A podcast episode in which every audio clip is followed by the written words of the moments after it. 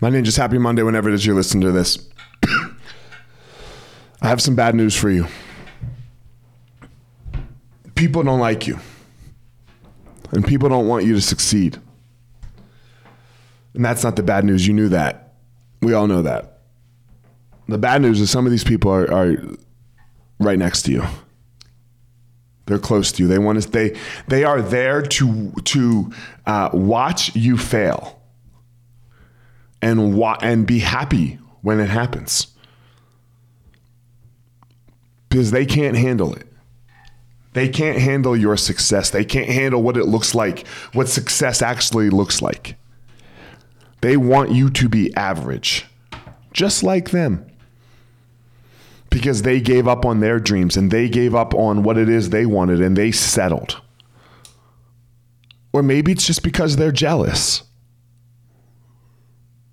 Maybe it's because you've been a little bit ahead of them your entire life.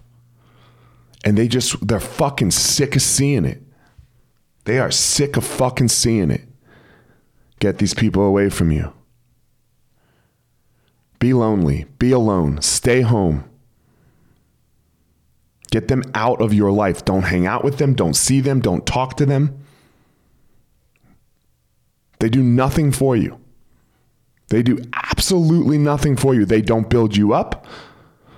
They're, they're putting the negative energy in the world for you. Get them away from you. And if that means you, like I said, if that means you stay home more, if that means you're, you're, you, you sit on the couch more because you're not hanging out with them and you don't have them around you, well, then so fucking be it.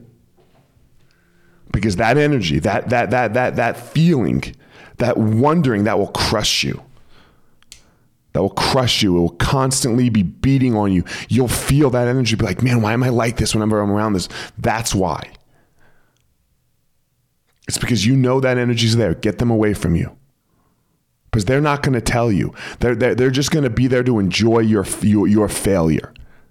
But they ain't going to say it to you. They ain't going to, they're, they're going to act as though they want you to succeed. But deep down inside, they want you to fall. Get them away from you. Discover your passion, find your power, give your purpose to the world.